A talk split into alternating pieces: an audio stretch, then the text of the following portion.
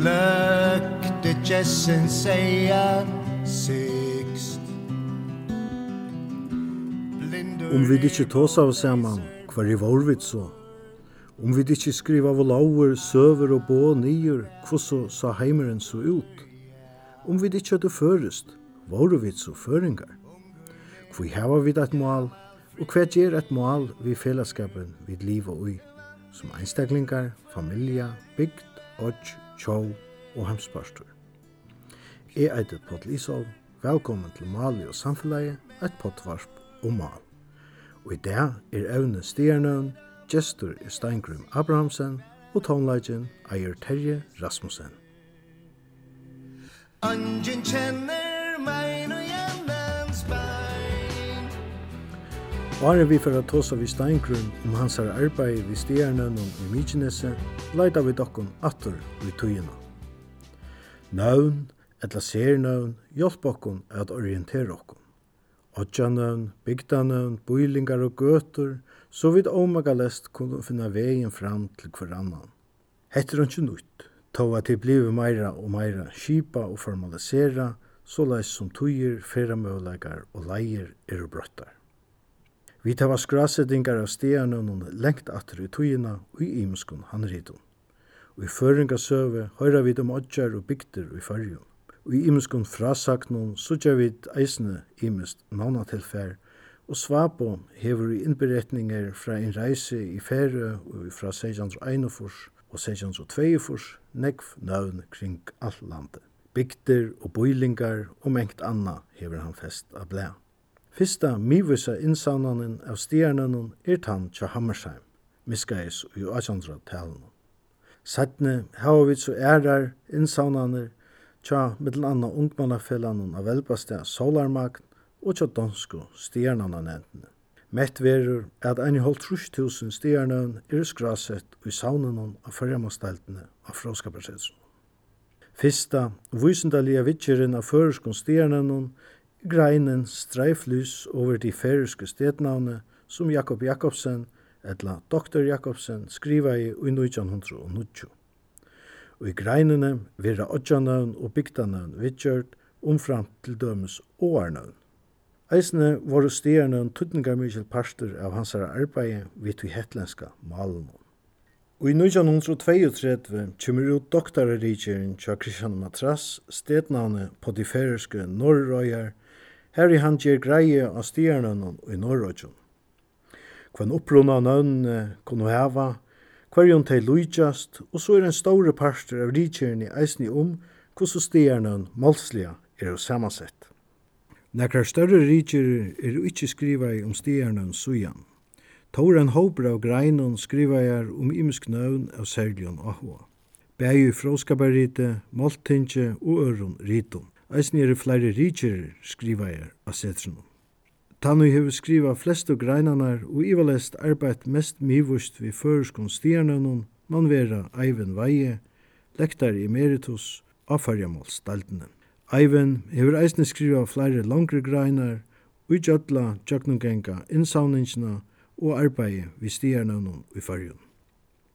Bogen Eivindarøtten og kom ut i samband við halvfjersara føyingar da hansara er eitt fralukt mi tja ödlun vi ahua og i stigarnøvnum. Tilfær er som kunnu til taks, sérstaklega av stigarnana sannun og færjamastaltene som er skrasett talkilt. Hetta gir atgongtena tja granskaron og áhugaun annars munande lattare, eisne fyrir at avvist skrasettingar arbeid fram i løtene og talkiltun milun. Góð dømi om hvordan hetta kan gerast er arbeidni i Sundalanum og i Mykinesi á sunda.fo og á sorvog.fo suttjast hesar skrassettingar. Arbeiði i Mykinesi hefur gestrin i dag Steingrim Abrahamsen steg i fire. Eit arbeid som eisne fyrir a komme ut i bók setni og i år. Av korstenon av suggest suttjast navn og stegsettingar, og i bókene veri mittel anna i lysing av grænskingarsøvne, vidgjur av ymskon hottaløvun og søvnun, og greining av målslium vidskiftum og stigarnavnum i Mykjenesen. Men kvui for Steingrum, som i nekv år hefur starvast som lærare i førskun og tuskun under at arbeida vi stigarnavnum. Jeg eh, les først av setrenon og første forskjenon, og her skriver jeg med anna enn Richard om stigarnavn innagars i Mykjenes. Og veleiren kommer her til å være Eivind Veie. Og så gikk det noen år, Og så hittet jeg Eivind etter, så sier han meg til, hei, det skjer et hovedskott affære og arbeid, hvor er vi stjernene? Jo, det er helt det. Så begynner jeg så spekelig at arbeid ved stjernene. At Steingrum valgte å skrive om stjernene og Mykjenese var ikke av tilvilt. Steingrum er sjølver attavur ur Mykjenese og bo her sine første badne år, åren han sammen med foreldrene flyttet til Havnar. Steingrum har framvist tatt tilknyttet til Ødna og eier eisen i hus her er født i Nødgjørte. Jeg bor her til 1955, da flyttet vi til Havnar. Papen min, mamma min og sist min er. Hver sommer da ble vi sendt vestet til i heie Ommo og Mostrar vest. Så ble vi sendt vestet til Midserver, og det var en heime for seg. Ja. Her var ikke el, her var ikke vese, og her var kaldt, men man heit øyla godt. Så kjøsten skolen enda i, og lykket til han byrja i atter, så var man her vest. Her var andre bød, og ta halvtid til bo om 130 folk. Her var en 25 bød, og vi man spalte ut til, altså, ikke orka jeg mer. Så savna man med nåttra bor. Og det var en sterk auto, ja. Så fyrir folk að flyta, og folk að tala minkar, badna tala minkar. Så er det at folk som har tilknyttet øyne til affærer vestre om sommer, så er det at de eier gjør, og til flere lunta, og så framvegis. Men nu är ödgen, nu är hon, kan man, man kan nästan säga hon ligger i andra antalläv i ödgen. Så här är hon fastbyggvande i halvdelt är en 8-12 folk. Och av timen er åtta teir færen en og fjers, anker i forsen hon. Så var det spørninger om hvordan skal man verveide navnene, her man færre vita. Altså navnene sier jo en syna søv, ja. Her er navn er, her er mannhåndver, ja. Og kjøp nøvnen får nekva vita om hva om torskur, seiahald og neitahald og alt det som rørelsen utgjør. Hvordan hever det løybjergas her?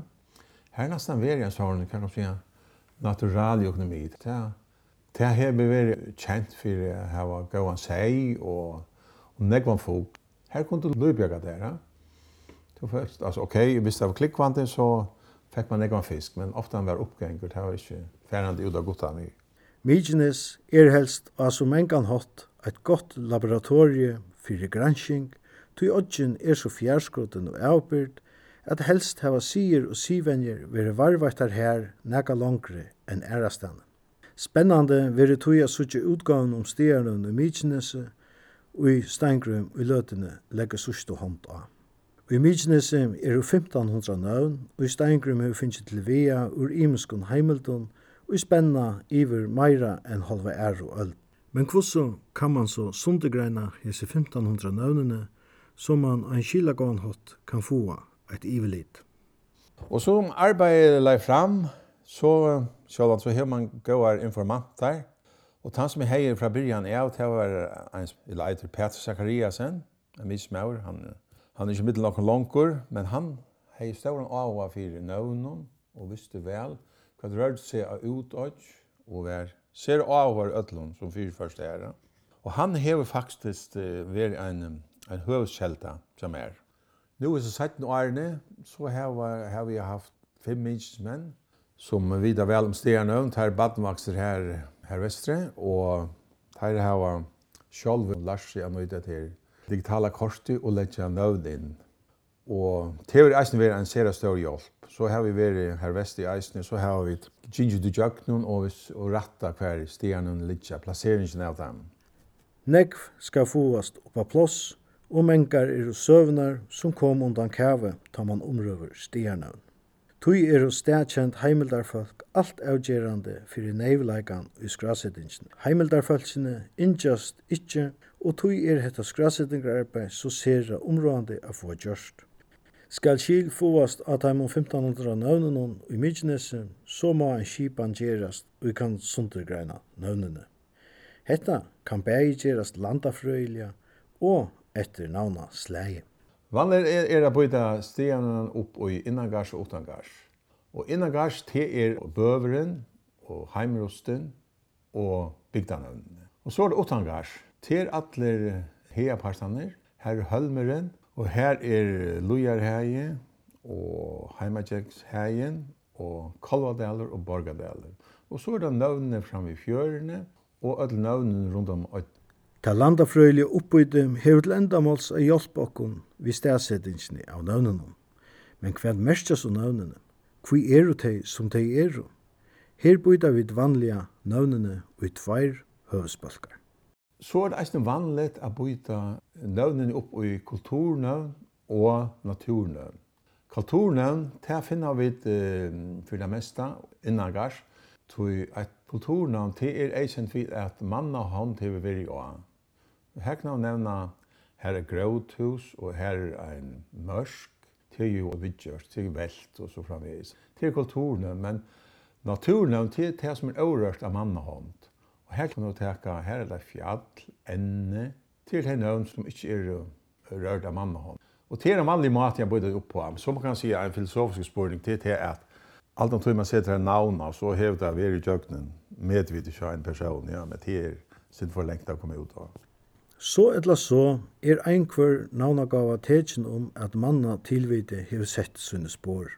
Og just tog sier navnene nega om okkara forstøy, okkara søvo, Jeg kan skal djeva deg enta en avbending om luivi i fargjum fra tog til fyrstu nomoland okkara. Til dømes Kolvadeler av Mykineset. Her har man en avvæskan li til fire lier, kolvor eller kolva, og så er det deler til høvesliger. Så kan man granska stedet for bæra budet, og så kan man færa og hitje et navn og sjolvona. Hva er det samansett er av? Høvesliger til er deler, og avvæskan li til er kolvora allt det som er hövslig i delar, hva är fyrre lier her, eller avvisningar lier. No? Det en større delar. Här har det haft kolvar här för det heter väl kan man säga setur här alltså fyrre råk der ned ut akkurat som i Norge. Ja? Här har det haft kolvar här. Man checkar ju till ned där för ja? Och så läs kan man få sindra vita om mättna løy i en bygd. hva gör det deg, og så börjar ja. Till dömes et år som Korskadalur til reisen her av Kolvadel, det er en lydel deler her. Hva merker det? Korske og Kristian Matras. Han er vel jo malgranskar, og han granskar neksterne. Og han er kommet til at korske til er keltist år som merker haure. Og haure var typisk, det brukte man til å få svin via. Og vi har altså rundt førjer har vi nekk svinaløvna. Og det kan eisne kasta ljós i fyrir kruja du har vært her fra fyrden ja, fra du altså fra fyrst og kanskje landnam ja. Kvat har haft vi til det kom. Det kan man bruka kan man säga navnagranschen til å finne det av. Her var Kolvar haft sina gongt i Kolvadale, og munn og hava veri i Korskadale. Navnagranschen kan bæg í sia nekka om hva det hava veri av noen stegi, og navnagranschen kan målsliga fortelle okkon hva han er fölkjene og i navngåu komo. Stigarnøvnene er og ein dyrgripur i oppklaringararbeidnum av okkara søvo og forstøy. Vi kjenner helst öll sagner og sier fra opprunanum til imisk stigarnøvn. Risen og kjettlingen er kanska besta døme. Hesar er nok meira fiksjon enn fakta og vera troplar a pregva. Himvegin, så kan stigarnøvnene frøy i mongomførun hjelpa vi meira samførande proførslu. Hon stendur kanskje ikkje så stinn pura ensamøll, men saman vi vysindagreinon, som til døms søvfrøy, jarfrøy og fomfrøy, kan hon sia så negv om luiv og levna fyrir öldum sujan. Dømi om hvordan arbeidast kan er og pollenkanningarnar til plantefrøyngen Johannes Johansen om fyrstu plantenar og metingarnar til malfrøyngen Ulf Zachariasen om stjernavne Mykines man hever sagt at ta norrøna bosning, det var den fyrsta, Men her er Jans Johansen, han er vel kanna, ja, Pollan kannegar, og han sagt at her har han, her er dyrka haure her vestri halt, ja? Om 600, 600 trus. Så er det til hver en verste navn i Mysenes. Men navn i Mysenes, det er man ikke sampakka vi disse nesnøvne. Det er fællig ikke ordentlig noe. Her er ikke, altså, bygden eit i Mysenes, her er ikke størst nes, altså, ja? som kunde give øyne navn. Det er det ikke, ja. Men så er det Malfring Ulf Zachariasen, han, han til næst man skriver Mitchens navn, ja. At det skal være Mitja, at det skal være, kan man säga, Neita Mitja. Og så, så er det eisen, det kan være Mitje størst nes. Det, men det passer jo heller ikke ordentlig inn. Men så har han kommet til avverdet om teoriene, Ulf, at Mykines til er keltestavn, til samanstett av mukk innes. Og mukk til betyr svin, og innes betyr odj av keltiskuna. Til faktisk svin odj. Man hever eina keltiska svin odj vestanfyrir og eina norrena svin odj estanfyrir.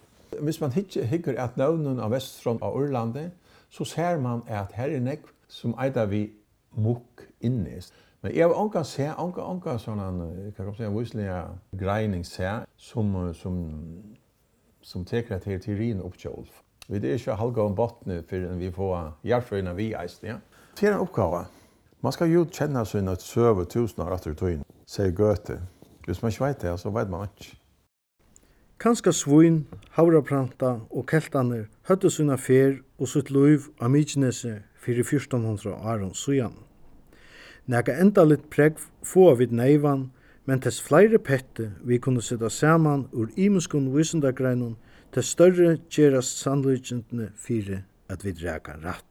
Og i så måte kan arbeid vi a leite etter okkar opprona vera som en spennande krimigata, her negv imisk avstøyer framme samståndes, og så kvørst som vi fremja nudja gransking, kunne vi uthusa ankron og votta okkurst anna. Vi kunne som sagt byta stjerne i imska bøtkar, innangars og utangars og onnur landafrøylig oppbyte. Til dømes nøvn av husen, nøvn av gøtun, gilun, baulun og så framvegis. Nevner du Mykines, så hugsa de fleste nok om ryka og fuglaløyve, om solina, om luntan, om rytina, og en lenka sivenjo er fleia fugl og tog spurt vi eisne Steingrim om hentan bøltsin av navnum. Her er nekve flere sesser i Mykjens. Her bæg Lundansesser og Hævestansesser. Og her ser um, Lundansessene, der hava imisk navn. Ein eider Nevsesseren, ein eider Setan, oppi Haua, og så er det flere sesser imsa stedna rundt Oddna. Ein av Nikvenese til Estasta steg av Mykjenese. Og her er sjålande imsa atter som er galdant, ja. Og sessene, tar lyser kanskje, altså hvis det er nevsessin, så er det, så er ut i en nev, ja. Og vi høyva til er nekka, her er nekka høyk, til er ut i lampa. Så er det en som er nalsja sessin, til nekka sérstakt. Hvor er det nalsja ut i mykines? Jo, det var tog jeg med som er det Jekvann i Tuni, han kom, han var gift i mykines kone, så kom han vest til Svajen og Fleia. Jeg hadde han kjørte seg en sess her ut. Det er Fleia jo altså eisen i nalsja, så han var venner vi a genga fleia. Nölsja sessin ligger eisen i lampa. Til vil si at han var nölsja jekvan, jekvan tune, så fikk sesseren navnet nölsja sessir. Og Nikvines, det er en av de beste sessene. Man skiler mittelen, altså, hvordan man fleier, hvordan det er atta, hvordan vinteren er. Ha? Men så er det til, så har det nekka sesser så her det er sjøafellsflei. Ja? Det er å si hos Nikvines, her er det nekka vi sjøafallet. Jeg halte til nøy kom i S-fall, av landerinnkje alltid. Og ta, ta kjemer leie legge folkleren et her, nikven er som er estasta, estasta plass i misen som venter inn med å serve. Fleia sessioner er jo helst via færre søvna og liva nok best i skrasettingene til Steingrimme. Men tær kunnu saman vi hinum 1500 nøvnun i Mykinese kasta ljós av eina farna tui og sier okkun nega om okkara søvu. Etter vist at tei i fyrst nummer land i fyrjun hava haft sama tørv og orientering som vi hava i dag. Tui eru stegarnøn en ryk søvkjelta, enn så tei sjølvandi er en ryk kjelta og i sier okkon så mengt om okkara målslige oppruna og målslige menning. Nøvnene bera bo om en farna tui og vi av tidsi iver fra okkara forfedron, og vi ödlund taimon hentleikon og vi vid i det hava til taks eier vit at gjøre alt for å varveita henda målsliga skatten så vel og neft som møveligt. Til framtida gransking etla bæra vanligt forvittne om okkara opprona. Tøy man ikkje vera nek om årene tja gøtu, at han som ikkje kjenner søvesøyna tusenar atri tøyina, ja han kjenner ikkje seg sjálvan. Jeg heter Paul Isholm, og til lursdag etter femta parti av Mali og samfunnet, som i dag snurus om stjerne. Vi tåsar om vi Steinkrum Abrahamsen. Erste farvide